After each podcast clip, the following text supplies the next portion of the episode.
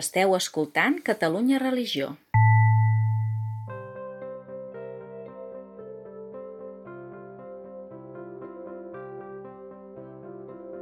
Benvinguts a la primera sessió del Club de Lectura en Fe de Llibres. Dic primera sessió, però és una nova edició que arrenquem aquest curs perquè vam començar el curs passat. Com sabeu, és l'espai que catalunyareligió.cat doncs, ofereix per parlar de llibres, on també tenim una secció de podcast on la gent que vol, col·laboradors nostres i col·laboradors externs, ens parlen i ens comenten lectures i llibres que els han arribat a casa. Nosaltres avui començarem parlant del llibre Les claus del silenci, l'art de viure, que és de la Teresa Guardans. La Teresa Guardans és eh, autora d'aquest llibre, és documentalista, filòloga, doctora també en Humanitats, és una persona que ha treballat el tema del silenci durant molts anys, inclús li va dedicar una tesi doctoral i, com dèiem, aquest club de lectura és online, estem uns quants eh, des de casa i, i farem aquesta conversa. Començaré preguntant sobre el llibre uh, què ens ha semblat la lectura del llibre Les claus del silenci. Qui comença? Reconec que no va ser un dels llibres que jo vaig votar eh, a la selecció, tot s'ha de dir, uh -huh. eh, mm, perquè llibres del silenci crec que n'he fullejat tants, o pràctiques del silenci que m'han arribat i que no he sabut entrar, o sí, o el que sigui, que... i és un tema que m'interessa moltíssim, eh? Uh -huh. i que sort del silenci per sobreviure en molts moments, però però vaig pensar, bueno, fem unes, unes altres literatures que no siguin aquestes. Però després m'ha agradat molt. A part doncs... de que a la Teresa Guardans jo havia anat a algun curs amb ella, l'havia escoltat en algun curs i, clar, és una altra dimensió. Mm -hmm. Doncs uh, ara apuntaves una cosa interessant i és que és cert que quan el títol et posa les claus del silenci un espera un tractat sobre el silenci, no? I uh, de, mm, potser d'entrada les persones, això, com l'Anabel que ara comentava, que ja estan avasades a trobar espais de silenci o que el tema els interessa o que han anat a recessos o que llegeixen i us instruïu en aquest àmbit, pot semblar una lectura més. Jo, és veritat, que tampoc és que sigui especialista en aquest tema del silenci, parlo molt, moltíssim, i vaig pensar, home, si alguna persona li va bé, aquest llibre deu ser per mi. I he de dir que, bueno, no sé si podria dir que m'ha silenciat. Eh, estoy en proceso, que podríem dir, però el llibre m'ha semblat molt interessant és un llibre àgil, és un llibre d'unes 170 pàgines en l'edició de Viena Edicions, a la versió catalana, um, com diem, capítols um, molt centrats, que expliquen molt bé, molt ben introduïts i amb una narració molt, molt fàcil. Trobo que jo no havia llegit res de la Teresa Guardans i és una autora que explica molt bé.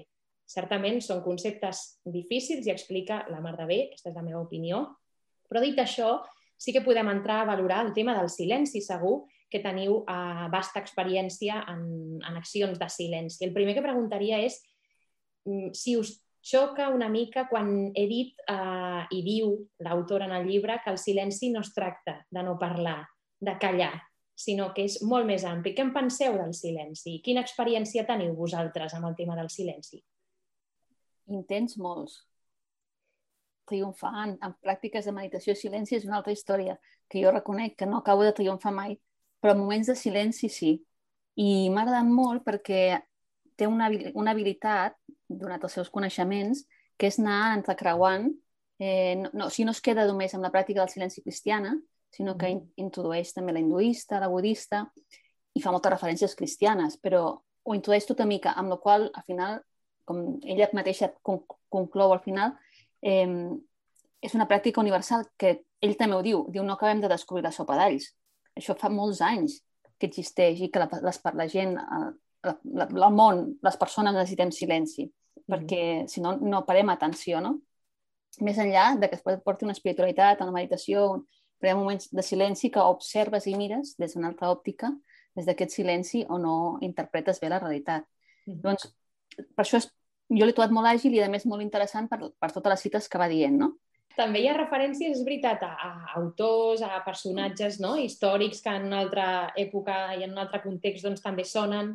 Um, és totalment cert que penses en el silenci i dius potser el món oriental, no només, no? també, però tampoc és només el cristianisme, sinó potser segurament uh, la Teresa Guardans podria haver fet una segona part, tercera i quarta, no sé si l'està treballant, però el que sí he llegit eh, de la Teresa és que ella explica que quan va començar a treballar el tema del silenci amb la tesi doctoral, és a dir, anys enrere, doncs la gent, el silenci era una associació claríssima a repressió, no? a callar, a no poder dir.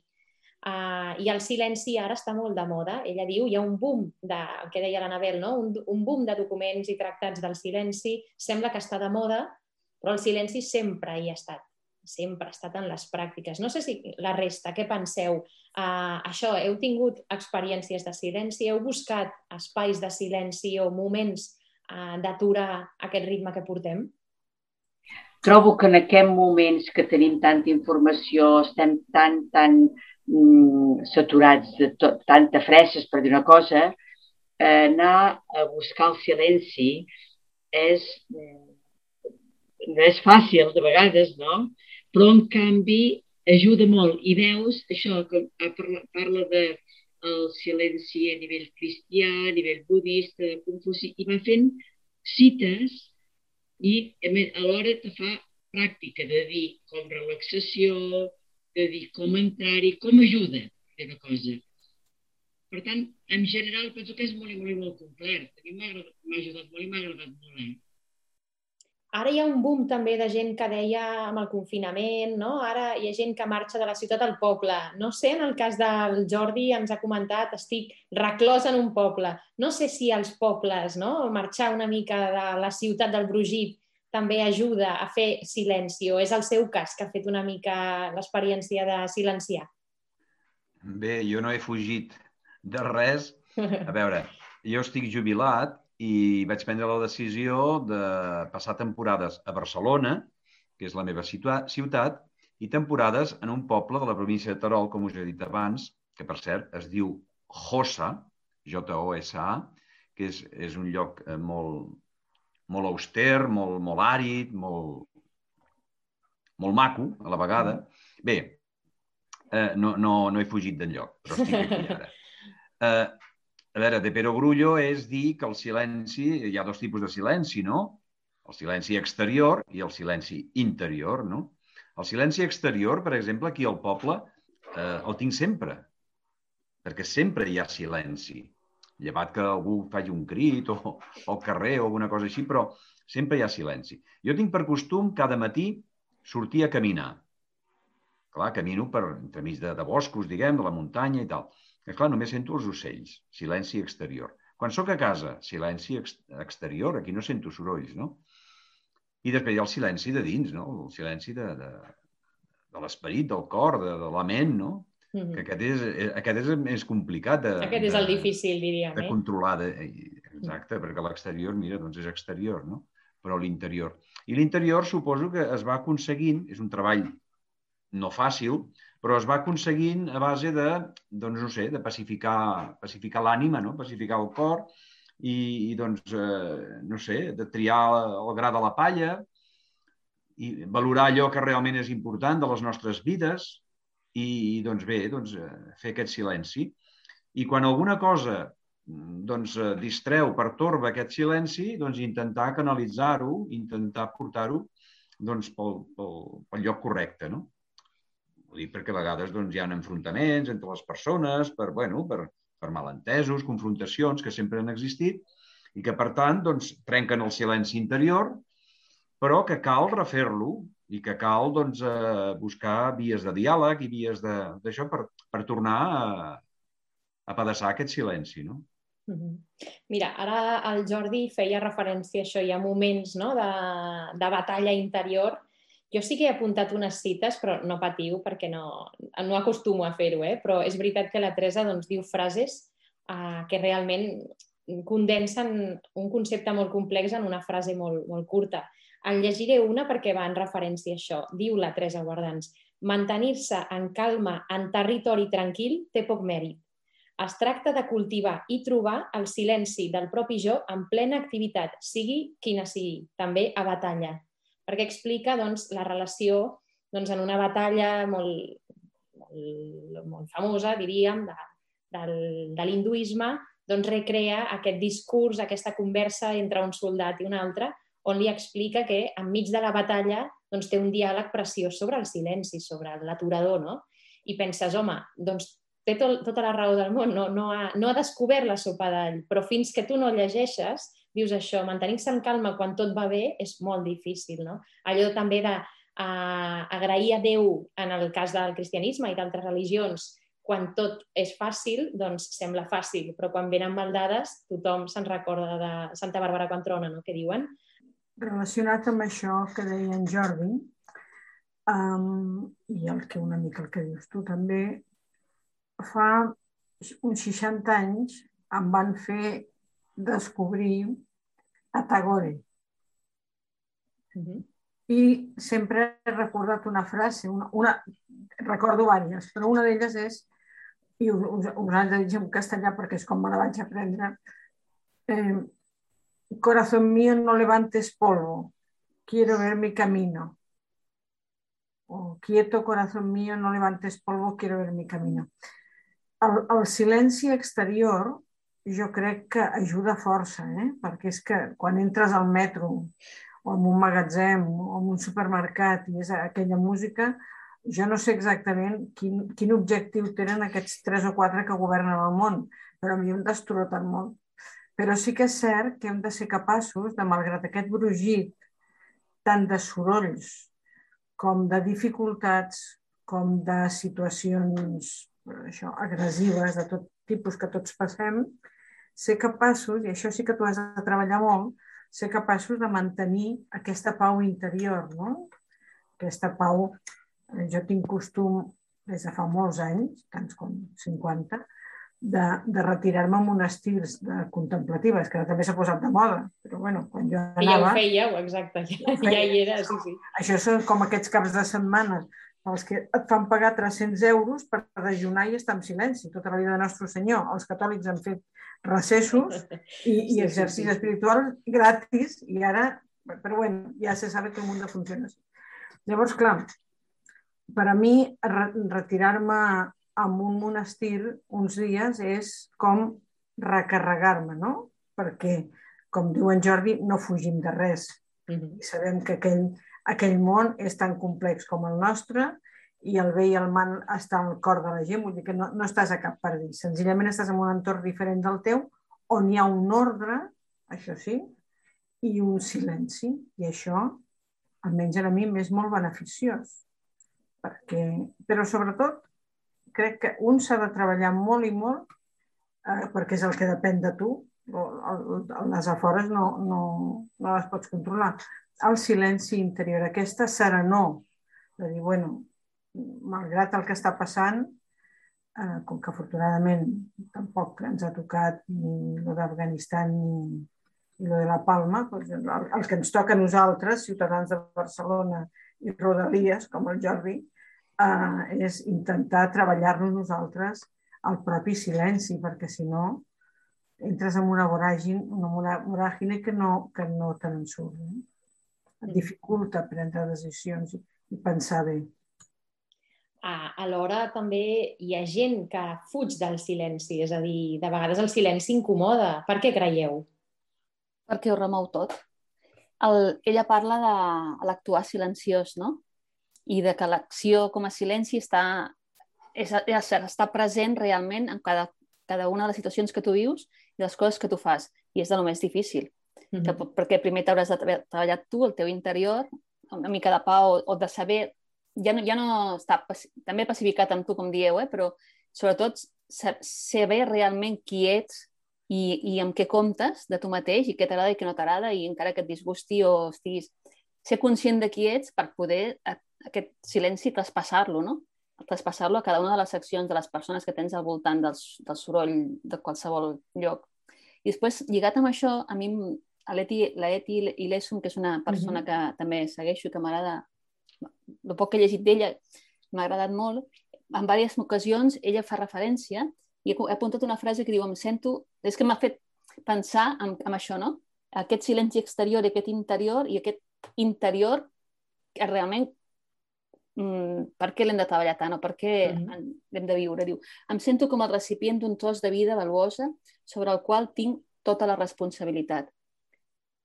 La Teresa Guardà ens parla molt de que aquest silenci ens responsabilitza. Treballar el silenci ens responsabilitza d'aquesta mm, casa comuna que és la humanitat Mm -hmm. I en funció del que passi això, eh, aquí evolucionem cap a una banda o evolucionem cap a una, cap a una altra, no? I la Eti Lessum diu això, som responsables, som un recipient, no?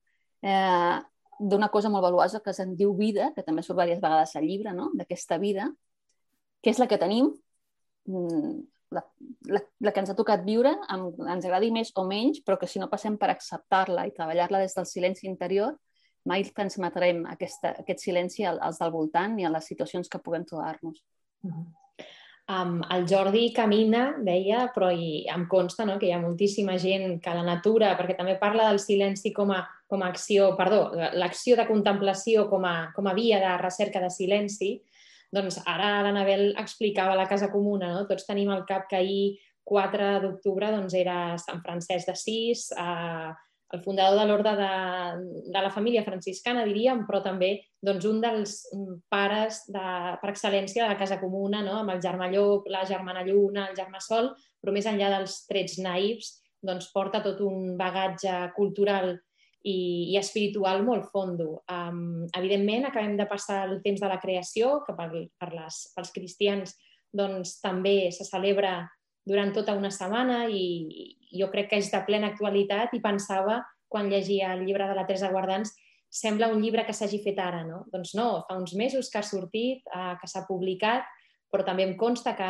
és un tema que es treballa des de sempre amb ella i que treballa a les escoles i que fa doncs, això que dèiem, li ha dedicat una tesi doctoral i quasi tota la seva vida doncs, destinada a treballar i a, i a, a, a documentar-se sobre el silenci, però dic, clar, el silenci no sé si està molt lligat a la contemplació, a la natura, l'espiritualitat com a via d'accés cap a aquest silenci. Què en penseu?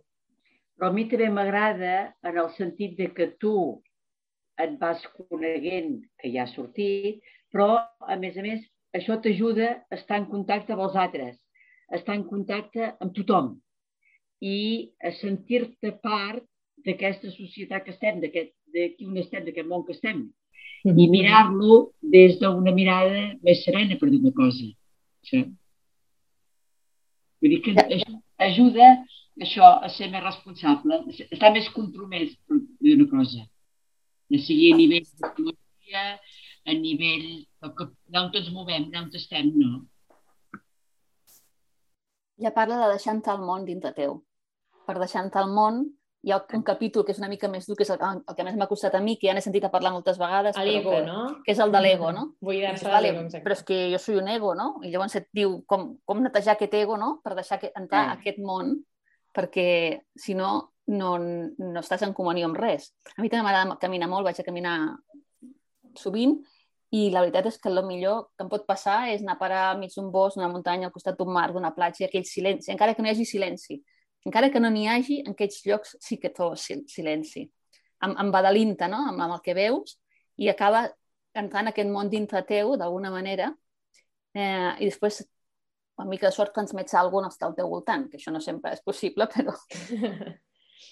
Sí, sí, aquesta sensació no, d'anar més calmat. Inclús hi ha gent que explica que quan ha pujat un cim, evidentment per fer doncs, fruit de l'esforç, quan baixa aquest cim, aquelles hores després vas més lent, no? camines més lent, potser estàs més tranquil, doncs aquesta sensació de pacificar també ho pot fer la natura, però evidentment doncs amb la contemplació, la Teresa Guardans també explica, com deia l'Anabel, no? eh, es tracta de primer fer un pas, després fer un altre, no és tant seure, que tenim la imatge tots, la imatge clàssica de seure sobre un coixí amb les cames eh, entre, entrecreuades i, i fer una paraula om, que també, però vull dir, abans has d'entendre cap a on va aquest silenci, què és el silenci. Per això la Teresa en el llibre explica bé que no es tracta d'una recepta de pràctiques per fer silenci, sinó que t'explica al final què és el silenci, que és molt difícil d'explicar. 170 pàgines per explicar-te un concepte que algú podria dir doncs és no parlar, és, és difícil i, i trobo que se'n surt prou bé. També al final del llibre, els que no heu llegit, us faré un petit spoiler, però me'l permetreu, al final del llibre ella compara el per què de 170 pàgines per parlar d'una cosa tan simple com podríem dir el silenci, no? I diu, és com si un nedador vol uh, saber com tirar-se d'un trampolí a l'aigua, però no sap què és l'aigua. Doncs es tracta d'anar explicant aquests conceptes. El silenci és molt complex. Doncs us agraeixo molt la, la participació en aquest Club de Lectura, la primera sessió. Arrenquem aquest trimestre del Club de Lectura en Fe de Llibres. Us recordo que la propera sessió serà el 2 de novembre amb el llibre de la Txell Feixes, que és periodista. Us agraeixo de nou això, la participació en el Club de Lectura, que hagueu tingut la sinceritat sobre el llibre de la Teresa Guardans, Les claus del silenci, que us llegiu el proper perquè és molt interessant. Aquest sí que me l'he llegit jo per avançada, Dones valentes, de Txell Feixes. És un llibre diferent dels que possiblement esperàvem en aquest club de lectura, però és molt interessant i de plena actualitat. Així que res més. Moltes gràcies per part meva i ens retrobem al novembre. Gràcies a tu per convidar-nos. Molt bé, gràcies. Adéu-siau. Gràcies. Adéu-siau. Adéu. Catalunya Religió.